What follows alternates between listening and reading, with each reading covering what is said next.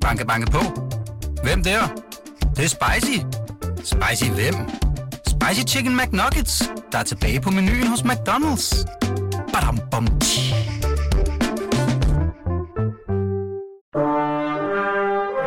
Du lytter til Radio 24 /7. Velkommen til Huxi og det gode gamle folketing med Huxi Bak. Rigtig hjertelig velkommen tilbage her fra formandstolen i det gode gamle Folketing, som i dag er en øh, julespecial. Traditionen foreskriver, at jeg her til jul øh, inviterer de gode gamle chefredaktører ind for lige at vende, hvad der er sket de sidste halve år. Vi gør det nemlig også om sommeren, så det er, det er ved at blive øh, hyppigt, men det er kun godt, for der er som sædvanligt rigeligt at tale om. Og de gode gamle chefredaktører, skulle man lige være tunet ind, er Bent Falbert, forhenværende chefredaktør på Ekstrabladet, og Geo Metz, forhenværende chefredaktør på Information. Vi har brugt en time tid på at snakke øh, medieforlig og Henrik Sass og Socialdemokratiet sådan helt generelt. Vi vender nu blikket mod et øh, andet, men ikke mindre interessant parti, nemlig Alternativet. Som, tror jeg, hvis man spørger dem, øh, og det er der faktisk nogen, der har gjort, at Uffe Elbæk har udtalt, at det har været lidt et hårdt halvt år. Øh, man har jo fløjet på en grøn bølge, men det der med at flyve, blev lige pludselig et problem for dem. Øh, Uffe Elbæk viste sig, at havde fløjet 40 gange, og han havde lidt han tumlede lidt rundt med at få fundet ud af, hvor meget af det var hjemmes medfører, og burde han egentlig have gjort det. Og nu er han, det kan vi da lige konstatere, øh, fejret jul, helt uden flyrejser eller gaver eller noget som helst, og danset rundt om kærligheden til livet, tror jeg. Noget i den duer, han fik udtalt. Og det er jeg sikker på har været hyggeligt, men Ben Falbert, har det sidste halve år for, for Alternativet været sådan specielt hyggeligt? Øh, jeg kalder dem en folkedanserforening, fordi det synes jeg det er mest øh, rammende betegnelse for dem, og de burde vel være under udfasning. Øh, der er jo ikke nogen politiske resultater overhovedet af det, den bevægelse der. Og, og de begår så nu den, de, de klassiske fejltagelser. Det er med, at de, ikke lever efter de, regler, de foreskriver for, for alle mulige andre mennesker. Eksempelvis, at vi skal lade være at, at flyve så meget rundt i verden, som vi gør, og så gør de det selv i den grad. Den ene efter den anden af de der øh, alternative Der var noget med politikere har nogle jo- dykkerferier og noget, der været, trak lidt. har jo været udstillet, og har måttet gå til bekendelse og sige, at det var da vist nok lidt rigeligt, de havde fået brændt af, øh, mens de bad folk om at blive hjemme på, på parcellen. Mm-hmm. Men, men er det en understregning af, at nu siger du det her med, at de er øh, under udfasning. Er det en understregning af, at alternativet var netop det en fase? At vælgerne trængte til et eller andet, og man ville protestere, Ja. og man var, at det mere, at det, at det måske ikke så meget var, var Det var ikke projektet. begejstring over, det var, jeg tror ikke, det var begejstring over det der folkedanserforetagende. Jeg tror, det var i protest mod øh, andre partier. Man synes, det stod for meget stille Mm. i den øvrige del af det politiske liv. Øh, Så blev man fristet til at, at, at stemme på det der. Og nu er der så gået øh, fire år, og så er gassen gået ballon. Hvad, hvad siger du, Geo? Ja, det, det er jo, man kaldte det jo i sin tid, da man ville have folkestyret indført, det kaldte man Ola Lehmann jo over for, for kongen. Han skulle reagere, så man ikke greb til fortvivlelsens selvhjælp, ikke? Her har det jo altså været utilfredshedens selvhjælp, Mm. ikke, med det bestående, og det er jo udmærket. Altså, det er jo godt, der, der opstår sådan noget. Det er jo en del af demokratiet, og det kan man jo kun hilse velkommen, når der kommer sådan nogle bevægelser. Men øh, det er jo det, virkeligheden på Christiansborg, for nu at sige noget kedeligt, er jo altså ret kompliceret. Og det, for, for eksempel fordrer den ene ting, det er en vis vedholdenhed øh, i ordførerskaberne. Altså, at man er nogle år om at komme ind i det, ikke, til at kunne foretage sig noget forstandigt. Altså, hvis man nu hele tiden skal foretage sig noget. Og udskiftningen i øh, Alternativets ordførerskaber har jo været i polkatakt. Mm-hmm. Altså, der er jo ikke nogen tilbage. Altså, det vil sige, der er jo ikke nogen kontinuitet. Altså, der er jo ikke nogen, der lægger en politik, og så følger et spor og får gennemført noget. Det er jo rigtigt, som Bent siger. De har jo ikke gennemført noget som helst. Og det, det, så, så beviser de jo deres, deres egen øh, overflødighed. Men handler det også om, øh, at... Og det kan, det kan jo i virkeligheden være for, for øh, sådan nogen som mig, måske også nogen som jeg, og, og helt almindelige vælgere, at en eller anden illusion, der brister om, at politik godt kan ændre sig en lille smule. Men, men det her er måske et billede på, at man har fire store partier, som altid har været der, og måske altid vil være der. De kan så godt sådan flytte sig en lille smule rundt i, i det politiske landskab, men det er ligesom dem, det er øh, Venstre, Socialdemokratiet, Konservative og de radikale. De, de er der. Og så kommer der Jamen. Ja, så kommer der i 73, så kommer der et fremskridtsparti. Ja. Ja. og Dansk Folkeparti har så været ja. her i... Det må vi hellere tage med. Jo, men i, det, i dansk poli- politisk historie har der jo hele tiden været nogen, som, som brød igennem også, og som blev vedholdende, og som var nyskabelser, sådan set, ikke? Med det radikale venstre i sin tid. Øh, de Og har jo det, alle men sammen det er jo været 100 år nyskab. siden. Det er jo mere sådan Jo, jo. om... Men også i nyere tid har der jo været en, en række øh, nye venstrefløjspartier, ikke? Altså SF kom jo også efter kommunisterne, kom der et nyt parti, så kom øh, venstresocialisterne, og sad der i mange år. Venstresocialisterne er et meget godt eksempel på det, dem der senere blev altså en del af enhedslisten mm. nu, ikke? Mm-hmm. Men der sad jo meget fremragende folk som Preben Wilhjelm, som øh, øh, øh, lærte sig det politiske håndværk, ligesom mange af de andre gjorde, så de faktisk, og man ikke fik ret mange ting igennem, men de fik dog alligevel præget øh, det, de sad på. Og de sad i hvert fald med en stor saglighed, som de andre var nødt til at høre på. Mm-hmm. At det, der er sagen her, det er, at der ikke er nogen, der behøver at høre på, hvad Alternativet siger. At de, kan, de skal bruge dem som stemme øh, materiale, hvis for eksempel Mette Frederiksen skal danne en regering. Men der er jo ikke noget, hvor man kan sige, at det, det, det kan vi bruge, fordi der er nogle ting, som vi gerne vil gennemføre sammen med jer. Fordi der er ikke nogen, der ved, hvad det er, man skal gennemføre sammen med dem. Der er der, kan du tale om hensigtserklæringer. Mm. Men det nye nu er vel, at, øh, at det nu er højrefløjen, der begynder at formere sig i nye partier og kommer ind, ikke? Altså, mm. foreløbig liberal, de, liberale, og, og, og, næste gang så kommer der en, en, øh, et parti ind, som øh, om man ikke ved ret meget om, bortset fra, at de har en, en pæn blondine som, som, som flokfører. Øh, men sandsynligvis øh, kommer de i Folketinget. Ja, det er der meget, der tyder på, at Nye Borgerlige gør.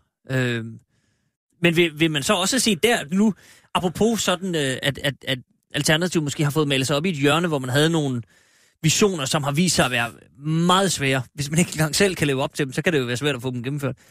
At Nye Borgerlige måske også vil rende ind i en mur, der hedder, altså, de har jo de her tre ultimative krav, ellers vil de ikke pege på nogen, og de, altså, man starter med ikke at, at øh, bekende sig til kompromisets fine kunst, som jo er langt hen ad vejen er det, Det er, det, samme, som, det er det samme, som enhedslisten siger. De vil også opfylde nogle ganske bestemte øh, krav for at, at, støtte en socialdemokratisk regering. Øh, jeg synes også, det er mærkeligt, at man, at man er så ultimativ i, i sin... Men med nye borgerlige kan man jo i hvert fald sige, med enhedslisten kan man jo lige se, at de har et partiprogram, og de har de her de ting, de går efter. Og så de laver ult- alle hvad hedder det, ultimative krav, det synes jeg også er, er dumt af dem. Men med, med nye borgerlige ved du ikke rigtig, hvad, hvad det er. Altså, du kan jo ikke finde ud af, hvad, hvad er deres for eksempel økonomisk politik. Der er jo ikke gestalt i det overhovedet. Gehalt i det nogen, nogen steder.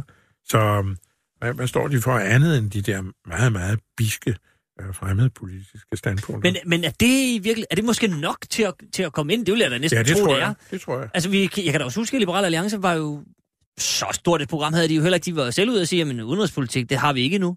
Der, der var masser af, af, ja, ja, af punkter, men de man ikke havde, havde, de havde, endnu. De havde så en, en, en liberal økonomisk agenda, ikke? Det havde de Jo, men de her i Nye Borgerlige har en indvandrerpolitisk agenda, Ja. ja. og, og det Men- er sikkert Men alt du kommer ingen vejen her i landet uden en eller anden form for holdning til det økonomiske. Det tror jeg ikke på. At- Ah, men tror du ikke, at Peter Sejer, Lars Sejers bror, kan skrue et eller andet sammen? Skulle de komme i Folketinget jo, jo, men så vil jeg gerne nat? se det. Så vil jeg gerne se Ja, det. jo, jo, ja. men altså... Det er jo et mærkeligt parti, fordi man ved så lidt om de personer, de, de, de, de Ja. ja. vil stille med. Men i en valgkamp kan de jo ikke helt skjule sig, og de kan jo ikke lade blondinen tage hele læsset. Der skal vel være nogle andre, der hjælper til. Mm. Øh, så men jeg, min forventning er, at de kommer ind med en, en 4-6 mandat eller sådan noget. Okay. Det vil jeg- tro. Det tror jeg også. Og så bare lige for, nu, vi- nu startede vi jo med, med Alternativet. Vil det blive et blodbad for dem, eller er der stadigvæk lidt protest tilbage? Jeg Eller frustration over jamen, de andre jeg- partier vel i virkeligheden? jeg kan ikke huske, hvor de står i meningsmålene, men de er i hvert fald gået tilbage. Ja. Øh, og det kan jo godt være under en valgkamp, at de går yderligere tilbage. Det kan man jo ikke vide, men øh, Det tror jeg bestemt, de gør. jamen, de mangler det der Ja. momentum i hvert Ja, fald. og der er ikke meget belønne dem for. Altså, de, der er mange, der er mange Men det er måske også fordi alle de andre partier ligesom også er rådet med på den grønne dagsorden og har lavet grønne logoer og det ene og det andet. At det er ligesom blevet, blevet lidt mere et hit. Ja, det kan grøn, også grøn være. politik er fælles for dem alle Mm. mm. sammen. Det tror jeg ikke, man kan gå ud og vinde noget, valg, noget væsentligt ved et valg øh, ved grønne standpunkter, fordi det har alle jo ligesom taget ind. Men Men det er jo så det- ligesom, ligesom øh, alle har taget mere eller mindre fremmede kritiske synspunkter ind. Øh, der ligner partierne mere med hinanden, ikke?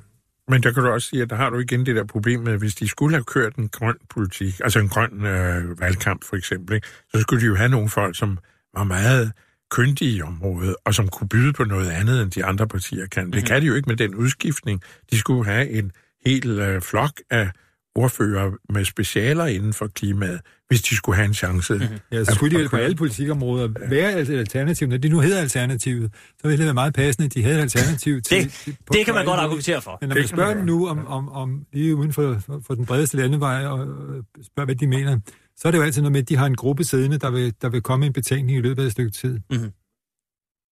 Men lige der ligner de nu også en del af de andre partier. Jo, men på den anden side, hvis du går ned i de andre partier, det kan jeg da også huske fra min tid i yngre jernalder på, i Folketinget, ikke? Altså som, som journalist. Jeg blev alligevel dengang, uden at blive benådet, bliver jeg alligevel forbløffet over, hvor, hvor, hvor voldsomt et arbejde det egentlig er at være medlem af Folketinget. Altså hvis man virkelig vil noget mm. i det. Det var ovenikøbet dengang, hvor der også var ret meget fest på arbejdspladsen, ikke? Og der var mange, der sad og sov i grævningen. Men dem, som gjorde noget ud af det, og det var trods alt flertallet, de, de var hårdt arbejde, opdagede man. For at være ordentlig ordfører, der skal sørge meget til, ikke? Mm. Altså, jeg, jeg gik der helt i knæ nogle gange, når jeg så på deres arbejdsindsats øh, inden for nogle bestemte områder. Alene inden for retsområdet, som jeg fulgte meget dengang. Det var, der, det var, der, det var ikke små ting, de skulle igennem. Mm.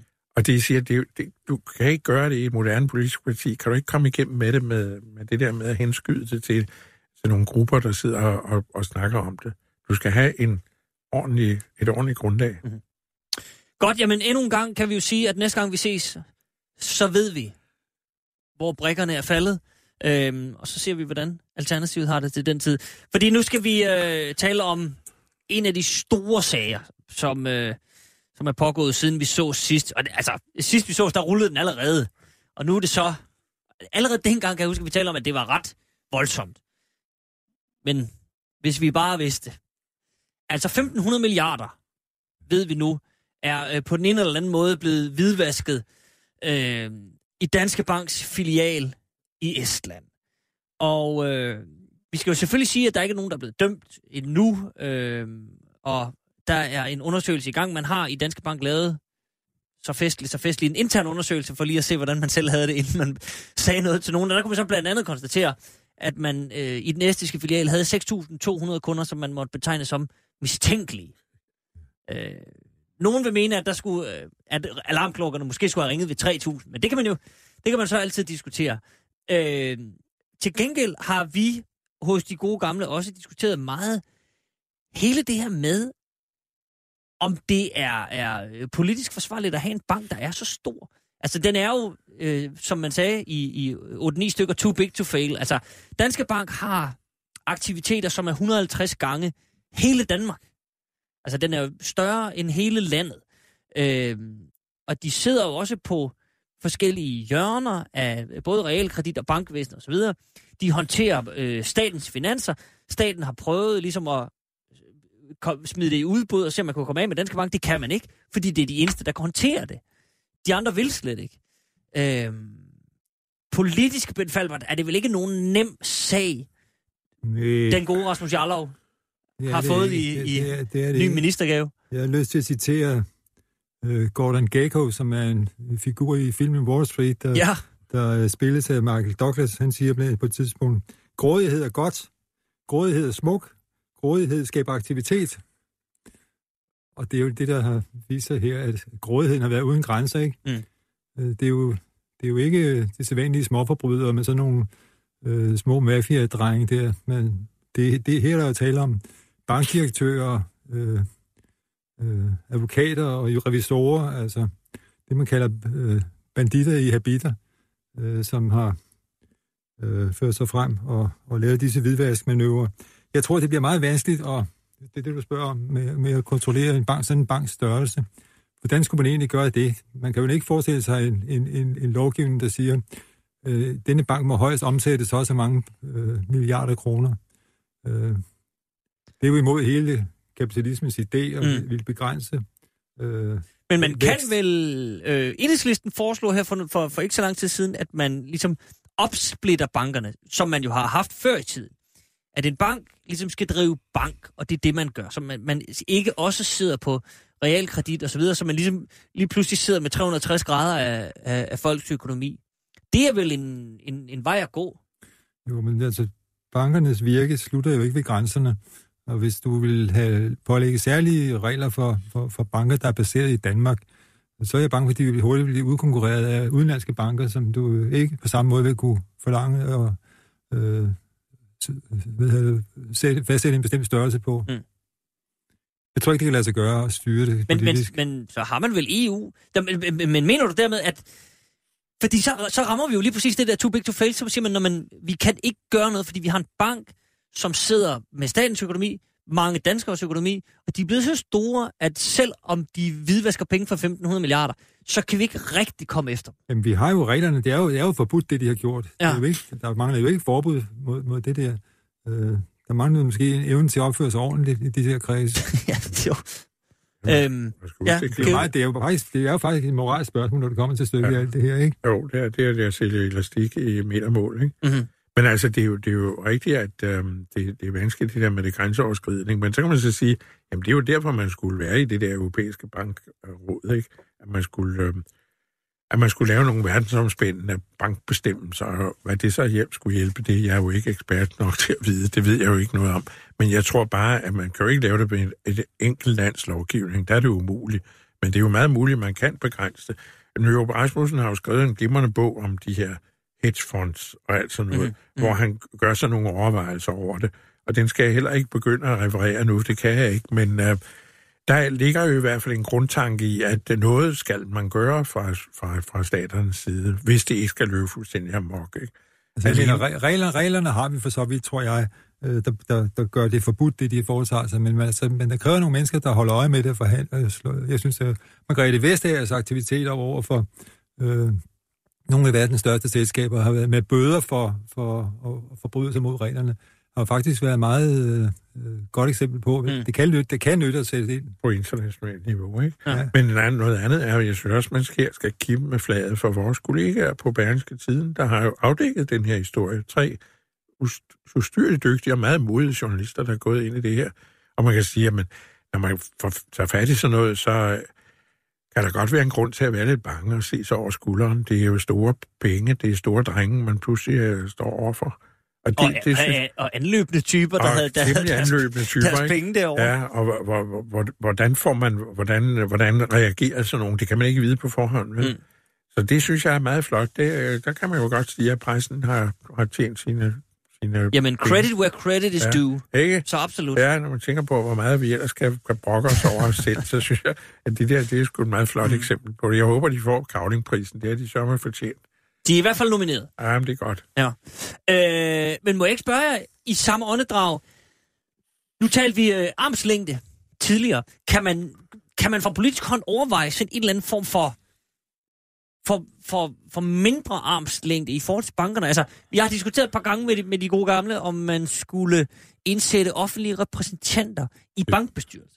For ligesom at sige, nu, så, nu må vi sætte nogle, nogle mennesker, som ikke er, er fittet ind i den her verden, til at sidde med en eller anden det går så en sund fornuft at Jo, sige, men- hov, det går ikke det her. Nu skal vi også tænke på samfundet Ja, problemet er det jo, at hvis du sætter dig ind i sådan en bestyrelse, så får du samtidig tavshedspligt. Det er det. Altså, den er jo den er næsten umulig at løse. Fordi Jo, men hvis man, hvis man nu, altså Socialdemokratiet har jo selv foreslået en mand som Poul Løb, som du lige nævnte, ikke? jo, jamen, det, er jo- man sætter jo, ham ind, så sætter, siger man, her har vi en mand af så høj moralsk karat. Jo, i den vægtklasse vil jeg sige, der vil Ja. ja. det måske hjælpe. Så kan han Øh, sidde og tale dunder og sige, det her, det går Men simpelthen han, ikke. på, venner." på den anden side bliver han også underlagt. Altså en hvilken som helst, der går ind i sådan en bestyrelse, bliver underlagt en eller anden form for... Men vi har næsten... tavshedspligt. Jo, men han behøver ikke at sige, hvad han Nej, siger nej, så derinde. kan han selvfølgelig internt Han, sige, han skal det her internt vil jeg ikke finde mig påvirke i. og sige, det her, det, det finder det er simpelthen rigtigt ikke. Det er rigtigt Vi nok. Jo, jo, men du skal op i, de, i den vægtklasse for, at- det skal, før det får mening. Men har vi kun ham? Skal han sidde dem alle sammen? Så? været med Bjarne Gøjdon. Jamen, det er lidt svært med, at, og nu, ham diskuterede vi for et halvt år siden. Det er lidt svært at, at vide, hvor man har Bjarne Gøjder, vil jeg sige. Jamen, jeg, kan nu, hvor nu kan lytteren jo ikke se uh, ansigts, mit ansigtsudtryk, da jeg sagde det. Kan se, Men de kan, jeg tror, de kan det gætte sig til det nu. Hvis, ja, I, hvis, I, hvis, I, hvis I tager øh, alle mulige danske aktieselskaber, så sidder der altså i det en eller to eller fire repræsentanter øh, for medarbejderne i de der virksomheder. Ja. Og der er jo ingen eksempler på, at det spiller nogen stor rolle, at de sidder der. De, de bliver, som Geo siger, de skal være lojale over for den virksomhed, ledelse, som de, som de øh, er blevet en del af. Men der er jo ikke nogen af dem, der må gå ud og råbe vagt i gevær, når der, hvis de opdager, at der sker et eller andet, som de ikke bryder sig om. Nej, men sagen er vel, at, at, at det skete jo i Danske Bank-sagen. Der var jo en whistleblower, Ja. som, Som havde går... det største besvær med at, at, Jo, jo, jamen, jamen det er rigtigt. Ja. Jo, jo, men ja. det var ikke. Men, men det er jo det, altså ofte vil det jo være bankbestyrelserne selv, der udpeger en offentlig repræsentant. De har i hvert fald indsigt med, hvem det bliver, ikke? Ja, jo, jo. Og øh, de, de fleste vil ikke synes, det er særlig atroværdigt at sidde i det, i sådan en bestyrelse. Ja, det kommer selvfølgelig an på, på honoraret, men det vil jo ikke være folk, som øh, er i den, som jeg sagde før, vægtklasse, der i virkeligheden kan gøre en forskel mm. inden for, over for de der store drenge. Og der skal være temmelig mange, hvis der skal være en lighed for loven, ikke? Men så, så spørger jeg bare lige igen, om, om, Jeg tror Om- ikke, det er vejen frem. om der er nogen vej frem, så om politikerne er, er nødt til at sige, at der er lovgivning. Øh, vi er nødt til at lade det være op til de enkelte bankdirektørs moral, det her. Jamen, det er jo forbudt at hvidvaske penge. Ja, ja, jo, Du kan præcis. ikke gøre det mere forbudt. Du kan ikke gøre det dobbelt så forbudt, som Nej. så må sige. Øh, problemet man er jo- at få folk til at overholde lovgivningen. Ja, man kan jo godt være, hvis man går ind for strenge straffer, så kan man sige dobbelt straf, ikke? Men det, det ved jeg Man har i hvert fald for, man har forhøjet bøderne, og Jarlov har dog... Øh, der er sket noget. Men jeg er Det ville være nyttigt at få nogle, nogle øh, øh, banditter i de der stribede handbitter. Ja. Så det ville være godt. lo- Det ville det måske er det lodret? afskrække- Er det vandrettet, når man er fængsel? Jeg kan ikke helt... Det ville måske afskrække, det ville måske afskrække øh, Men, men, men er det ikke også, at der må vel være en eller anden politisk, øh, også vælgermæssigt, altså det, blev, det er jo sådan en sag, som folk talte om, altså, at nu var det fandme også for dårligt, undskyld mit franske. Folk forlod Danske Bank. Der er vel også, hvis man tænker helt kynisk, vælger i at være den, der så går ud og giver Danske Bank Jo, og men jeg, banksektoren et los jeg, over kan, nallerne. jeg kan huske, du havde Bjørn Indqvist, min, min højt beundrede gamle kollega Bjørn Indqvist herinde, ikke? hvor han, han redegjorde for sine egne pengeforhold med Danske Bank. Ikke? Og jeg, Ja. jeg følte mig også truffet, fordi jeg tænker, hvor, hvor langt kan man egentlig gå i kritikken af Danske Bank? Vi er alle sammen mere eller mindre ansat i Danske Bank ikke? med vores pengesager.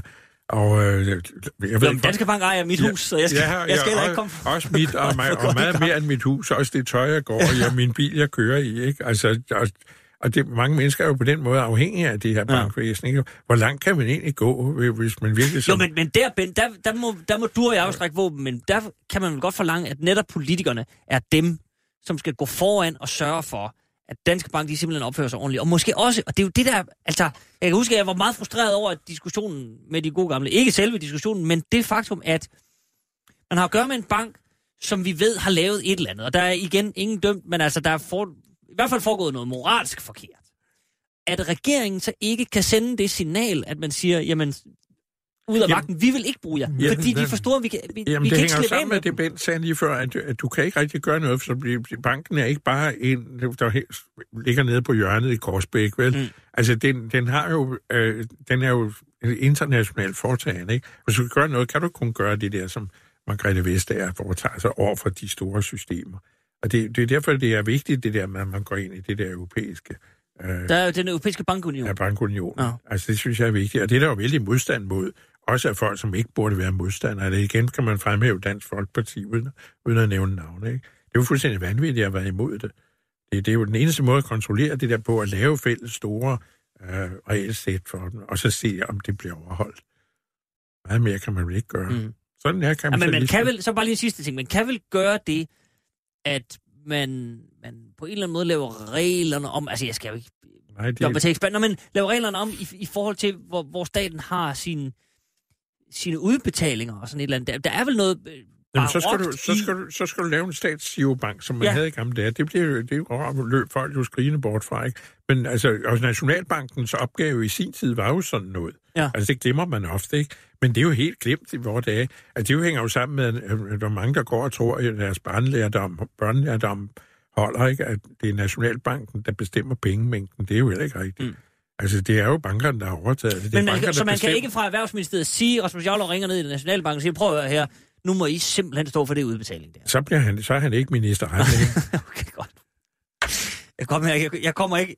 Jeg får ikke det her igennem. kan jeg godt tror det ikke, jeg Nej, tror men det jeg kan godt mærke det. Men altså med beklagelse, fordi jeg Jamen- synes, det er jo bestemt ikke min politiske Nej. holdning, jeg sidder og forsvarer, når jeg, når jeg, når jeg udstiller min skepsis. Ja, men det er jo det, der er så mærkeligt. Det er jo nærmest, det er jo nærmest ingens politiske holdning, og det er jo det, der er barokt. Og alligevel er det sådan, virkeligheden er. Jo, men fordi sådan er kapitalismen, ikke? Altså, det, det er igen et spørgsmål om, om at have ho- holdningen, der siger, jamen, den tjener os bedst under alle omstændigheder. Eller blandingsøkonomis synspunkt, der siger, at vi må have mere Ja. ja. hånd og i hanke med det. Det er jo der, skillet går. Dybest set. Dybest set. Okay. Jeg fæstner mig meget ved selvgodheden i hele den der branche. Man har været meget lavmælt med hensyn til selvkritik, synes jeg. Og, øh, men det gennemsyrer Det er jo også hele, hele, hele, hele det der miljø. Altså, tag, øh, tag de der kon- førende konkursadvokater, for eksempel. Mhm. Øh, så nogen som øh, Boris Frederiksen og, og, og, og, og, Jørgen Holst, der har øh, boet efter Amagerbanken, for eksempel. De har hævet 96 millioner kroner til sig selv i forløbig af kontosalær for at gøre den der bank op. Altså, det er jo et styrtende beløb, ikke? Og det, og det er inden for reglerne. Der er ikke nogen, der er ikke nogen øh, Mm. begrænsning af det her. Og, og, og du har altså en, en, en, en økonomisk overklasse der, der, der, der, der færdes i, i, i, med sådan nogle sommer, ikke?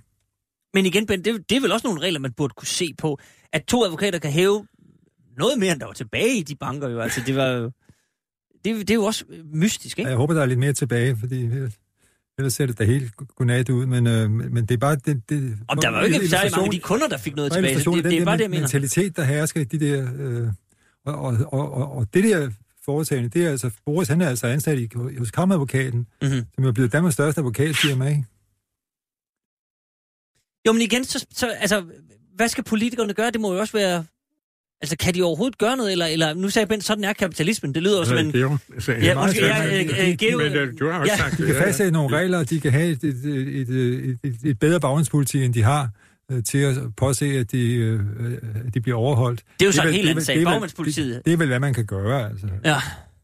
Men det er jo så store kræfter, ikke? At det, de sidder med en hel masse dygtige folk, som, hvor, hvor ofte kommer hvor ofte kommer det offentlige ikke til kort over for dem. Men ikke? det, det, kan vel, det, det er vel en ting, man kan Ja, gøre. Fordi jamen, nu, så, Jamen, nu glider vi lige så stille over i... skatten, ikke? Og det kan man sige, jamen, hvor stammer det fra, at vi har de der elendige skatteforhold? Ikke? Altså, det er jo- der må du jo igen gribe fat i historien og sige, hvornår begyndte det her egentlig? Ikke? Det begyndte altså med Anders Fogh Rasmussen, da han sad som skatteminister, og de begyndte at skære ned i skatteligningen. Og det gjorde de jo ganske dramatisk.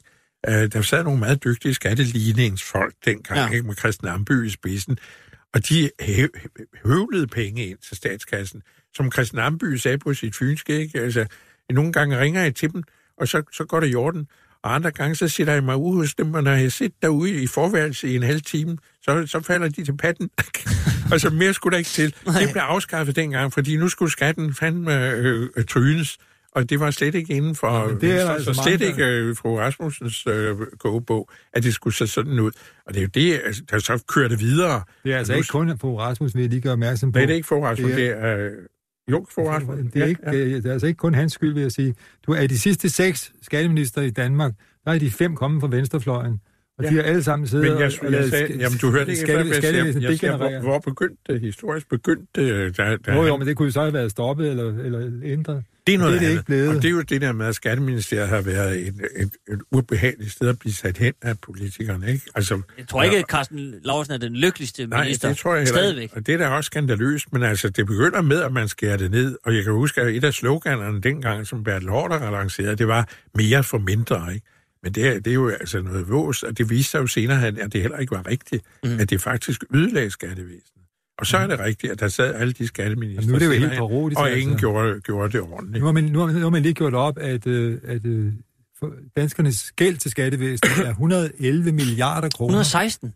Nå, er det simpelthen Ja, rejst der, ud til jamen, 16? simpelthen, ja, ja. Okay. Man tager lige efter den ende, simpelthen på I, I går 116. var det 111 og d- milliarder kroner, som man ikke kan få drevet ind. Og nu siger man, at, øh, at det bliver helt håbløst at gøre det, fordi øh, de maskiner, man har til at, at hjælpe sig, de er forældede, og de Ja. skal fornyes for, for andre milliarder kroner. Så nu eftergiver man. Ja. 5-6 milliarder. Øh, Ja, jeg har hørt nogle af de der udtalelser om det. det er, mig forekommer det meget mærkeligt. Man, siger, man kan forstå, at de folk, som har det socialt meget dårligt, der er det for dyrt at kræve det ind. Ikke? Mm-hmm. Men så bliver der jo en, en, en ordentlig rest tilbage. Jeg hørte lidt om det i radioen i dag. Jeg tror, det er hos jer her, ikke?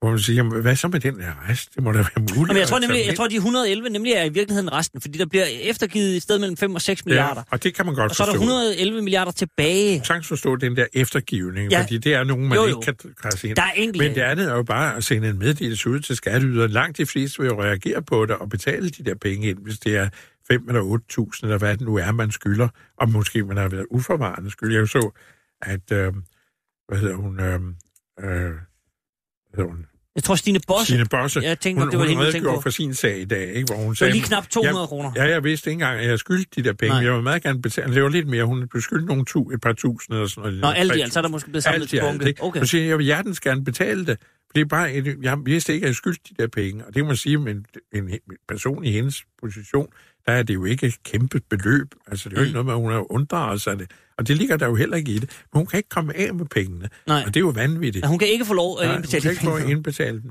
Og det er jo vanvittigt. Men, men igen for at holde det på det politiske spor, altså...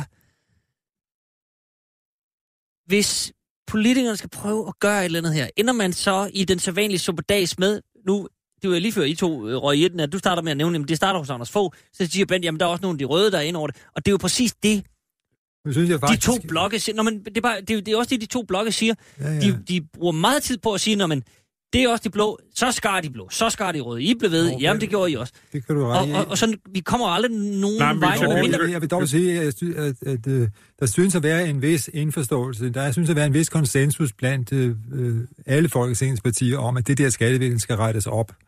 Øh, og det tror jeg nok, at man vil Ja. ja. være villig til at bevilge penge til øh, hele vejen rundt. Der er Men, men nogen- man vil jo bruge lige så meget, hvis ikke mere krudt på at diskutere, hvem og en skattekommission, og hvornår, hvor langt skal den tilbage, og hvor jo. meget, og Det hvordan er jo håbløst. Det, det tror jeg, fordi der er for mange partier, der er blandet ind. Så altså, man- apropos eftergivelse Ja, af jeg gæld, vil- skal man eftergive skyld og ligesom sige, godt, det er alle skyld og ingen skyld. Lad os komme videre. Det kan man godt blive nødt til. Ikke? Jeg tror, det bliver en opgave for historikerne at udrede det der. Det, Ja. jeg sagde først, det var blot, hvornår begyndte det her? Mm. Hvornår begyndte skattevæsenet at blive ødelagt? Så skal man ordentligt øh, det lægge, som også stammer fra Rasmus' tid, men hvor man egentlig dårligt kan lægge ham det til last, selvom jeg gerne ville, at øhm, EDB-systemerne var ikke modne nok til det. Det var jo de store problemer. Han Mhm. fik de der store øh, køb, indkøbt de der store ting, som der var høje løfter om dem, og så viste, viste Det berømte EFI. Ja, system. EFI-systemet, som så viste sig ikke at kunne. Ikke? Mm. Og det, det er jo ikke det eneste sted, hvor der har været de problemer. Og det, det må man sige, det er jo en, en pris for, øh, for den moderne teknologi, at øh, det, altså, det går ikke altid, som præsten prædiker. Nej, men så, øh, nu, nu har jeg vi har beskæftiget os en del med det i løbet af det sidste halvår. Der. Ja. Ja. Det handlede jo også om, at man, og det er vel en lære, man kan drage rent politisk, øh, apropos de her EDB-systemer, at man øh, besluttede sig for, at man ville have den her elektroniske øh, inddragelsesmaskine. Men inden den var etableret, inden man havde modtaget inddragelsen, så fyrede Så man dem. man folk, ja. Så Det fyrede man folk, vanvittigt. og så, så satsede man på, at pengene kom, og de kom så aldrig. Nej. Det, det er vel en lære, man kan... Det bør man da håbe. ja. Okay, godt. Jamen, øh, vi håber, at der er nogen, der har lyttet efter. Men vi skal til noget helt andet. Vi skal til øh, finansloven. Fordi der, der står jo meget øh, i den. Øh, men der var én ting øh, i år, som fik, om ikke al opmærksomheden, så i hvert fald gode 90 procent af opmærksomheden. Øen Lindholm. Nedad ved Møen. Øh, den er blevet kaldt alt fra øh, en vidunderlig løsning til problemer med øh, flygtninge på tål ophold til Karen Jespersens våde drøm og alt derimellem. Øh, men det handler om, at man fra regeringens og Dansk Folkepartis side, skulle man ikke have hørt om det her, har fundet en lille, lille bitte ø, meget lille ø, hvor man tidligere har haft øh, et lille forsøgscenter, hvor man tjekkede noget med viruser, der primært ramte køer og øh, svin. Øhm, den er nu forladt, og skal i øvrigt restaureres for en frygtelig masse penge, hvis der overhovedet skal kunne bevæge sig mennesker, der er hverken vand eller noget som helst. Øh, bygninger skal saneres, halvdelen skal raves ned osv. osv. Det, det er et større arbejde, som øh, beregnet vil koste et 3 kvart milliard. Ja. Og der vil man så sætte flygtninge, som er øh, på tål ophold, det vil sige, de er blevet dømt for noget kriminalitet, har udstået deres straf, men vi kan ikke sende dem hjem, fordi de kommer fra lande, hvor øh, vi har skrevet under på, at hvis man er øh, forfulgt, eller øh, der er risiko for, at man kan blive slået ihjel, når man kommer hjem, så bliver man ikke sendt. Og det er jo et dilemma, hvad man gør med sådan nogle mennesker, og nu skal de så ud på den her ø. Øhm, Ben Falber, det, det blev udråbt som, ja, som jeg fik sagt, både som en halleluja-løsning, og, øh, og noget af det mest forfærdelige, og alt derimellem. Men det er vel... Det er vel på en eller anden måde sådan... Øh, man er jo nødt til at gøre et eller andet, og så har man, så har man fundet en ø, og så siger man godt, så starter vi der. Så, så det politiske håndværk er vel, for den regering, der sidder nu med det støtteparti, de har vel helt okay, er det ikke? Jo, det er, da, det er da en måde at gøre det på. Jeg synes, det er, det er en meget dyr løsning, vil jeg sige. Øh, det nærmer sig jo det beløb, som man bruger på at forbedre klimaet. Øh, så, så mange penge er det. Men, men man, så synes jeg jo, at man burde på næsten kalde de der bygningsværk, der nu skal opføres på, på Lindholm, det burde man næsten kalde Karens Mane. Fordi, Det er ikke, noget, det er jo- det er ikke en dårlig til. det er jo nu 18 år siden, at hun blev skældt ud for at foreslå nøjagtigt det, som man, man nu gennemfører, og som øh, der er stor øh, politisk tilslutning til at, at, at, at gennemføre. Mm-hmm. Øh, men ja, altså, grundlæggende er det, vel, er det vel øh, meget fornuftigt at prøve at lægge pres på de der mennesker, så de får lyst til at rejse hjem, fordi det er jo... En ting er, at, øh, at der er nogle af dem, der ikke kan blive udvist til, fordi deres, deres hjemlande øh, er tilbøjelige til at slå folk ihjel, der kommer i deres situation tilbage til hjemlandet. Men øh, der er altså også nogle af, af dem, der ikke kommer afsted, fordi hjemlandet ikke vil tage imod folk, der, der sendes ud med magt. De, de vil kun tage imod folk, der kommer frivilligt. Mm. Øh, så hvad skal man gøre? Altså, vi kan jo blive ved, vi kan jo, de kan jo, den det gruppe af forhærdede forbrydere kan jo vokse i al evighed, hvis ikke man laver noget i den retning, som det her er. Men så er Så jeg spørgsmålet... kan godt forstå hensigten. Jeg synes bare, det er en meget dyr løsning. Ja. Nå, men og spørgsmålet er jo også, om det, om det nytter. Altså, vil det virke? Er der forskel på, om de sidder på en ø øh, nede ved Møn, hvor de, kan tage, hvor de trods alt kan tage en, en færge over, og så tage et tog til København, eller om de sidder ved Kærshovedgård, hvor de også kan forlade stedet og, og, og komme til København, hvis de er interesseret i at komme til København, de må, kan jo tage hen, hvor de vil. Men altså, er det, lugter det ikke også lidt af, symbolpolitik? Fordi det lyder Jo, godt, det at man sender jo. dem ud på en øde ø. Jo, jo, det gør det jo. Og så sender man så hører Martin Henriksen fra Dansk Folkeparti forklare, at, at øh, færgen til, til øen, den skal gå på så ubekvemt tidspunkt, når man næsten ikke har lyst til at tage med, og, og billetpriserne skal være så høje, at de der fanger ikke, næsten ikke kan betale det. Øh, og det Ja. vil sige, at opholdet skal gøre så ubehageligt, at de tilskyndes til at rejse hjem.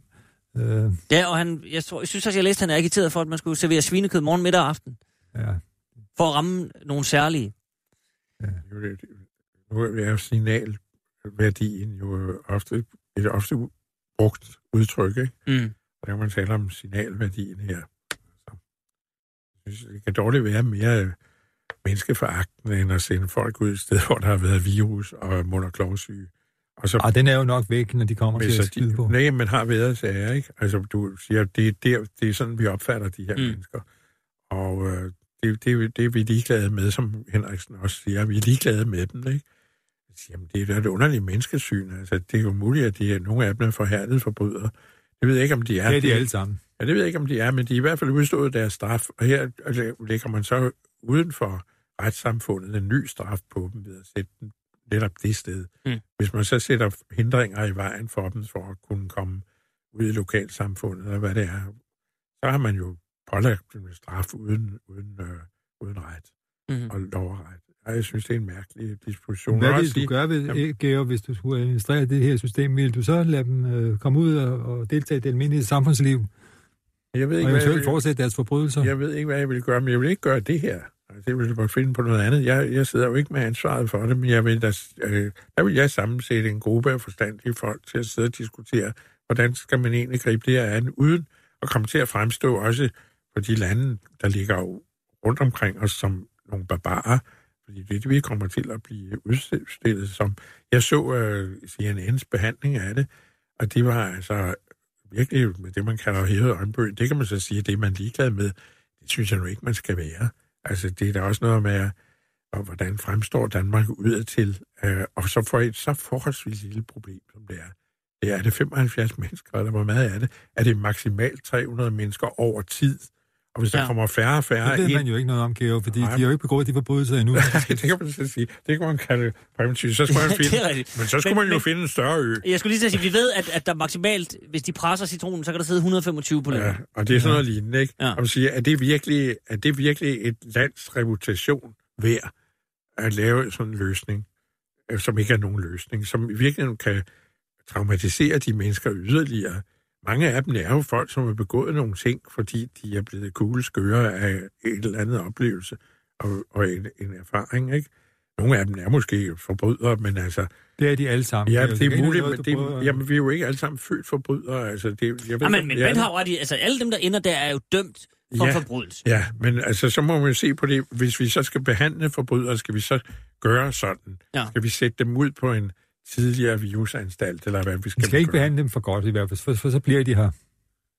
Det gør de jo under alle omstændigheder. Altså, man må også se det realistisk i øjnene og sige, er der nogen mulighed for, at de folk rejser hjem? Kan de rejse hjem? Vil de rejse hjem? Vil de ikke blive værre af at sidde Men, der? Men Geo, Jamen, øh, jeg synes, der er så mange overvejelser i det, og det er, det er der. meget hurtigt at sige, det er en god løsning, det gør vi afsted med dem. Mm. Og så sørger vi for, at der ikke kommer færger derud. Hvad med at, at så afskære dig, så de kan dø af sult derude? Altså, eller bare få svinekød, hvis de er muslimer? Eller hvad er det for noget? Det er da en mærkelig menneskesyn. Men hvis man ser sådan helt øh, realistisk, eller hvad skal man sige, ja, jo, måske lidt sådan politisk kynisk på det, så handler det vel også om, at øh, stort set hele spektret, måske minus sådan den yderste venstrefløj, på Christiansborg, hvis man skal håndtere den her sag, med dømt forbrydere, som har udstået deres straf, vi kan ikke sende dem hjem, men det er jo, øh, hvis man fremdrager de værste tilfælde, voldtægtsforbrydere og morder, som vi ikke rigtig kan finde ud af, hvad vi skal gøre, valget mellem at, at sige, når man så de har udstået deres straf, så må de bare finde sig en lejlighed, og så, så holder vi i øvrigt ikke øje med dem. Det er jo politisk selvmord for langt de fleste partier at sige, men vi, vi øh, tror på, øh, vi har et retsprincip herhjemme, der hedder, at når du har udstået din straf, så er, er dit liv sådan set nulstillet, så kører det bare. Det, det, altså, så kan man lide det eller ej, men det er Nej, jo... der er den forskel, de har jo ikke lov at være her. Det er folk, Nå, der, nej, ikke, nej, det folk, der ikke har lov at Nej, være men, her. men i forhold til øh, forpligtelser, øh, internationale forpligtelser, så, så, er, så har de lov at være forstået på den måde, at vi har skrevet under på, at vi vil beholde dem, indtil vi kan sende dem hjem. Jamen, man Så er derfor har de jo en eller anden form for ret til at, Ja, man er at, at være her. Og er derfor er man jo nødt til at gøre et eller andet. Jamen, det er Inger Støjbergs udtryk, at man skal gøre det så utåligt for, for folk på tåligt ophold. Ikke? Mm. Og det synes jeg er et, et mærkeligt menneskesyn. Man sige, du skal ikke gøre det utåligt for nogle mennesker. Du skal gøre det sådan, så det er tåligt at være menneske. Det er nu engang vores forpligtelse. Og så må man finde ud af det. Altså, sådan er det. det er jo ikke folk, som render rundt og laver de her forbrydelser hele tiden, uafbrudt og døgnet rundt. Det skal man jo også lige huske. Man må også have et proportion i det her. Det er jo vigtigt, en vigtig side i et retssamfund, det er proportionaliteten. Mm. Er det i orden at gøre en vis sanktion over for folk? Er det i proportion med faren for deres Det er jo et retsprincip, at er? der skal være proportion mellem forbrydelse og straf. det synes jeg.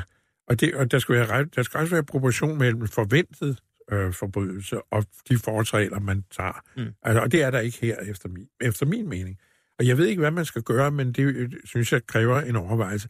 Jeg, jeg er i hvert fald helt overbevist om, at det ikke er det der, man skal gøre. For jeg tror i virkeligheden, at risikoen bliver større, hvis man gør det, fordi du får nogle traumatiserede mennesker, der så på den ene eller den anden måde kommer i land, og så ved man så ikke, hvad der sker. Mm. Jeg synes, det er dumt. Det synes jeg. Men Ben, hvad, hvad, hvad øh, tænk, tænker du slet ikke på, på noget af det, Geo siger her? Internationalt øh, ry og rygte, hvordan, hvordan, ser det- vi ud det- her? Altså, Jo, det, det kommer vi nok over. Øh, jeg synes, jeg kan ikke lade være at fæstne mig ved, at det er altså folk, der har begået meget alvorlige forbrydelser. Nogle af dem kunne måske finde på at gøre det igen, selvom Geo ikke tror det. Og det er folk, der er udvist af Danmark. Så man kan bare ikke gennemføre udvisningen af forskellige grunde. Det er jo ikke, det er jo ikke folk, der har krav på at leve et normalt øh, dansk liv. Og, og jeg vil sige, min tro på, at, øh, at de vil kunne disciplineres til at opføre sig som bedsteborgerlige danskere, den er ikke stor. nej, men det tror, det tror jeg, det er jo heller ikke... Det Øh, ligger der ikke det, jeg siger. det, det er ikke ambitionen, at, at de skal blive øh, bedsteborgere. Ambitionen er vel bare, at man holder på dem i, på en måde, som er i overensstemmelse med øh, øh, de internationale bestemmelser og konventioner, som vi har sagt ja til. Vi, har sagt, vi, vi behandler folk som minimum ordentligt. Og det, og det, det, det er vel også det, det kan vel være en glidebane at begynde at gå på kompromis med det. Jeg ved ikke, hvad man så skulle gøre ved dem. Altså, øh, det var ikke så meget øh, politikerne, jeg svarede her. Det var mere Geo, som jeg tror havde en, en, en, en, pæn øh, radikal venstre tanke om, at øh, man skal behandle folk fint, når de først blev afsonet deres straf. Øh, så skal de næsten have lov at leve et normalt liv. Men der gør jeg altså opmærksom på, at det er folk, der derudover er udvist af Danmark. Nu sagde jeg ikke det på den måde. Jeg siger bare, at man skal behandle folk tåleligt, så deres ophold er tåleligt og ikke utåleligt. Det er et mindste krav. Mm. Og det gør man ikke ved at sende dem ud på den her ø. Og som sagt, er der ikke nogen sikkerhed i det, fordi der er trods alt, og trods Martin Henriksens drømme, så er der de der færgeforbindelser. Og jeg tror, at folk på sådan en ø. Jeg kender godt øen. Jeg har, jeg har ikke været på den, men jeg kender en, der boede derude faktisk for rigtig mange år siden. Det vedkommendes far var, øh, så vidt jeg husker, bestyrer derude, og overlæge, eller hvad det var, eller overdyrlæge derude. Og øh, det er et meget lille sted, Mm. og man kan godt gå hen og blive desperat, hvis man ikke har øh, fri adgang til fastlandet på sådan et lille sted. Og hvis det er folk, det er jo ikke folk, som, det giver jo pænt ret i, det er jo ikke, det er jo ikke folk, som har bedsteborgerlige ambitioner, så man kan godt forestille sig, at de er lidt bevægelige for en sådan oplevelse. Mm. Og gå rundt, trisse rundt på sådan en ø. Så jeg synes, det er, jeg synes ikke alene, det er umenneskeligt at gøre det. Jeg synes også, det er dumt. Altså, jeg tror, det er, at man, man kommer til at fortryde det. Hvad vil du have, man skulle gøre? Ja, det ved jeg ikke. Det vil, jeg synes jeg, man skal sætte sig ned, dem som er kyndige i området, og finde ud af, hvad, hvad er mulighederne Vi må have en frem kommission. for denne her. Ja, det mener jeg godt, fordi kommissioner kan... En langsomt af noget. kommission. Det er en løsning. Det er altid en god Ja. idé. Det er den store danske løsning. Ja, okay. Nå, om det kommer der også nogle gange noget ud af, ikke? Jo, er til. Men så lad mig et sidste spørgsmål omkring den ø. Det er, at øh, det er blevet luftet, at det her kunne godt være den her plan med øen Lindholm. Øh, sådan en ting, som øh, man smider op i luften fra regeringens side. Man giver, altså der er ingen tvivl om, at Dansk Folkeparti mener det. Men der er nok heller ikke nogen tvivl om, at der er i hvert fald fløje i Venstre, fløje i, øh, i konservativ, muligvis også i øh, Liberale Alliance, som ikke mener, at det her det er en god idé. Og at det er en ting, man kan smide op i luften til en finanslov, og hvis man så genvinder regeringsmagten, så kan man trække øen. Det er jo først for 2021, at det her skal effektueres. At så kan man trække det forslag for at få øh, lidt velvilje. Ben Falber, kan, kan der være så meget symbolpolitik i den, at man godt ved, at det her, det, er, det lyder ret voldsomt. Så det er en prøveballon. Jeg tror, det er langt at gå og begynde at, at, at gennemføre det her projekt, og så bare skulle aflyse det igen for, for et sent tidspunkt. Du sagde selv, det er jo Fordi- meget dyrt, fordi- men så siger jeg, men altså økonomien er, vi, vi synes alligevel pludselig, det ser lidt dyrt ud. Ja. Det, er, det, er, det er tre kvart milliard, vi kan smide i hospitaler og Men til de det- ældre, det, der er alt det, muligt Det er her. vældig dyrt, det er du ret i. Og det har jeg også været inde på før. Mm. Men øh, hvad søren skal man ellers gøre? Og den politiker, der vil for- foreslå, at man stanser projekt, øh, Lindholm, må jo så sige, hvad man skal gøre i stedet for. Han kan jo ikke nøjes med som Geo og sige, det ved jeg ikke. Det må nogen finde ud af. Jamen, det er jo heller ikke, jeg er heller ikke politiker. Jeg siger bare, at det, det kan man jo finde ud af. Det kan man jo godt. Man kan godt finde et alternativ til det her. Det er jo ikke den eneste løsning. Altså det, jeg mener. Men Venstre har da et problem. For eksempel, altså de har jo et, et, et kæmpe bagland, som er meget, eller ikke kæmpe, men de har et bagland, som er meget imod det her, ikke? Som siger, det er ikke Venstres politik. Mm. Det er de der nødt til på et eller andet tidspunkt at tage hensyn til. Det tror jeg da. Ja, de kan jo få lagt sig ud med, med lokalbefolkningen der, i, i, i, i det der Vordingborg-område. Jeg ser, der er en øh, viceborgmester fra Venstre, der har sendt et såkaldt bekymringsmail til en, Javel. en bekymringsmail til statsministeren, som gør opmærksom på, at øh, gennemførelse af det der projekt kan komme til at koste partiet Venstre flere mandater ved det komme forestående valg. Og så er det jo selvfølgelig være en ren Så er, det jo en, så er det jo en anden snak. Der er man nødt til at nedsætte en komité. Ja, så er vi, øh, så er vi tæt på. Godt, jeg ved hvad. Så lad os lade, lade øen øh, Lindholm øh, passe sig selv indtil videre. De skal jo også lige have ryddet op, inden der bliver sendt nogen over, så vi har lidt tid at løbe på. Og der er øh, et par ting, jeg håber, vi lige kan nå. I hvert fald, og vi bliver lidt i samme boldgade i forhold til, hvem vi er som land. Det er også blevet voldsomt diskuteret i forhold til, når man skal have statsborgerskab her i landet. Øhm, der er det jo så blevet vedtaget, efter hæftig debat også, at man skal simpelthen give hånden til en offentlig repræsentant i den kommune, man nu bor i. Helst borgmesteren, eller der kan komme en eller anden ned. Og det skal være, der, altså der er meget øh, strikse regler. Det skal være, jeg vil lige vil sige nøgen hånd, man må ikke bære handske, og det skal være håndflade mod håndflade. Det er simpelthen skrevet ned nu.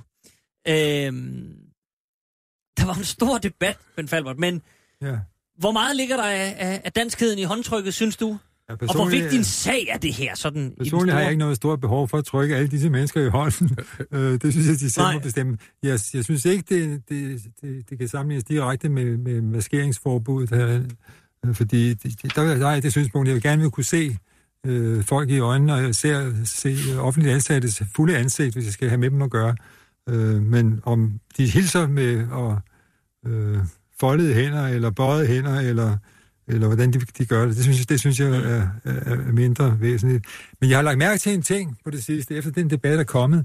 Jeg har kommet flere steder, hvor jeg synes, at danskere har haft usædvanligt travlt med at trykke hinanden i hænderne, hvor man ikke plejer at gøre det. Altså jeg har for eksempel færdes på nogle hospitaler og, og, og, og lignende offentlige steder, hvor man er meget omhyggelig med at give hånd. Det, det synes jeg, det er dejligt at give hånd, når man møder øh, fremmede mennesker. Øh, og især at man slet kan slippe for at blive kysset, indtil man kender dem godt nok til at, at være glad for det. Men, øh, men øh, jeg tror, der er en bevægelse i øjeblikket, hvor man øh, markerer sig som ægte dansker ved at og, og, og i trykke, trykke, tilbage. trykke mere hånd, end man plejer at Det gøre. kan da godt ske. Ja, nu gør jeg, jeg bor på landet, der, der gør man jo nok lidt mere. Øh, trykker hånd. Men tror det er jeg. også, fordi man ikke krammer på landet. Ja, det, det er jo godt, blevet ja, en- det er godt, ja. Det er Altså- godt, men nu er det jo Nordsjælland, det må man Ja, okay, sige. ja, det er det, er jo ikke, det er jo ikke rigtig land. Nej, Det er nej, ikke ifølge Anna Axel Alex Arnsen. Der er det nej, ikke nej. Men, men, Lidt krammer de derop, tror jeg. ja. men hvorfor blev det der håndtryk så stor en diskussion? Altså, det overskyggede jo alt muligt, man Jamen, kan nu sige. bruger man jo tit udtryk i symbolpolitik, og der kan man sgu Altså- da bruge det her. Ikke? Det kan da ikke siges andet end, end det er et, øh, altså et lidt nedværdigende symbolpolitik. Altså, det er jo ikke noget, man skal, det er ikke noget, man skal lave lovgivning om. Hvad er det for noget? Altså, hvorfor? Jamen, det er det, jeg spørger jer om. Jamen, jeg forstår det ikke. Jeg forstår det ikke andet end, at det er et chikaneforslag, ikke?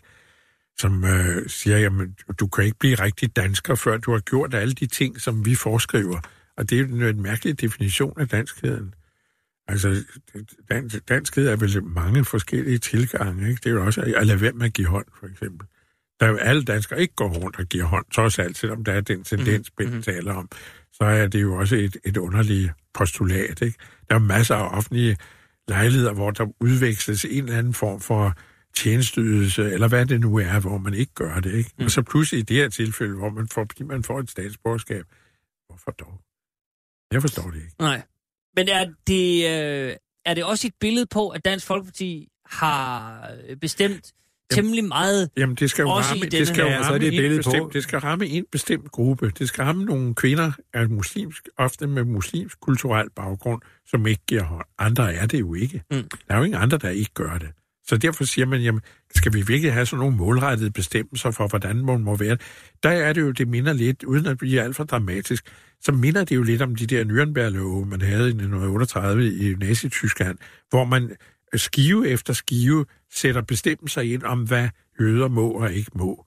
Og det, det, er- øh, jeg synes, det er et ubehageligt minde om det i hvert fald. Det er ikke det samme, det vil jeg Ej, gerne synes jeg, Det er det- ikke det, jeg sidder og siger. Ikke, det er Men nogen- jeg siger bare, det er noget, jeg finder nogle tilsvarende ting i, når jeg bladrer i Nürnberg-loven, Mm. om hvad folk må og ikke må af den slags ting. Jeg synes det er ikke, det er nogen rimelig sammenligning, men, men øh, jeg, jeg forstår godt øh, grundtanken i det, at, øh, at øh, jeg tror faktisk, det er et udtryk for, at Dansk Folkeparti har problemer med at finde på, på mere, på flere stramninger. Fordi øh, der er gennemført så mange nu, at der er ikke meget tilbage. Og skal de blive ved at markere sig på det her område, så kan de altså komme ud i nogle, nogle områder, Så hvor bliver man, det meget hitte på, som. Ja, så bliver det lidt, ja, så bliver det meget hittet på som, så, så Men det, kan- det er jo også det, man gjorde i Nürnberg-loven. Man hele tiden fandt på nogle små, ikke, altså små ting, mm. som altså i virkeligheden var ment til at stresse de folk, man, man ikke brød sig om. Og det her, det er sådan et eksempel på sådan en små ting. Jeg siger også, og det understreger jeg lige før, det er ikke det samme. Jeg siger bare, at jeg finder de der paralleller, når jeg bladrer i de der gamle lovtekster fra en meget ubehagelig tid. Og alene det skulle være nok til, at man ikke fremsatte, det, at man kunne få de associationer. Mm. Okay. De her, vores tid er, er, er øh, næsten gået, men jeg vil lige spørge jer. Altså, øh, der kommer jo et folketingsvalg lige om lidt, og jeg har store diskussioner øh, øh, med, med ja, snart sagt alle, jeg taler med om, hvornår øh, det kommer. Øh, er, er statsministeren i en sådan topform, at han her om en lille uge vil holde en nytårstal, kunne han finde på at, at udskrive nej, jeg tror, i han den, finde- eller lige... Jeg tror, han kunne finde, jeg tror, han kunne finde på i sin nytårstale at lancere øh, øh, den der sundhedsreform, som, Mm, som de mm. pusler med i regeringen. Jeg håber om at sætte sig på, på dagsordenen og få den drejet derhen og, og gøre regeringen og især Venstre til det parti, der vil gøre allermest for, den, for at bevare danskernes sundhed. Øh, og det, så, så ser jeg for mig et scenarie, hvor den debat så kan køre i, i, en, i en halvanden måneds tid, og så i marts kan der blive valg. En anden mulighed er, at han lancerer det i, øh, i nytårstalen, og så øh, udskriver han valget for at få et mandat til at gennemføre det, fordi det er et godt valggrundlag for ham. Det er det bedste, han får. Og så kan han udskrive valg i øh, tredje uge af januar. Ikke? Det er en mulighed. Jeg er mere på den sidste. Jeg tror nemlig også, at han godt kunne finde på lige at holde nytårstalen og så kører sole sig lidt, men ikke Ja. for længe. Ja, Fordi det er jo også, vi har jo set tendens til, at der bliver lanceret ting, og når folk så begynder at regne det efter, så holder det ikke helt vand. så holder det ikke. det vil man måske Nej. godt, godt sige. så kan det- sagtens- regne ud en frygtelig katastrofe med det her i virkeligheden, fordi det er virkelig en satsning, det der, Ja. det der område, som du også sagde før. Ikke? Altså, det er en farlig sag. Så det kunne jeg godt forestille mig, at han, han, han brænder det af så hurtigt som muligt. Men han skal jo have tre uger til en valgkamp. Jamen, det er det, jeg siger. Tredje uge. Tredje uge i ikke? Ja, januar. okay. Og så, så, Jamen, er det ikke tredje uge i januar? Det er da tis nok, så. Eller Jeg Ja. tror, jeg tror først, de der sundhedsforslag rigtig Godt, jamen jeg øh, noterer Geomets for 3. uge af januar, og øh, Ben Falbert for lidt senere. Jeg, jeg er på øh, hold Mets i den her omgang. Og med det vil jeg bare... Ja, så er vores tid simpelthen gået. Det går alt for stærkt, men vi ses jo om et øh, halvt års tid. Tak, Geo. Tak, Bent. Selv tak. Enig med stærk. Og godt nytår. I lige måde. Du lytter til Radio 24 /7.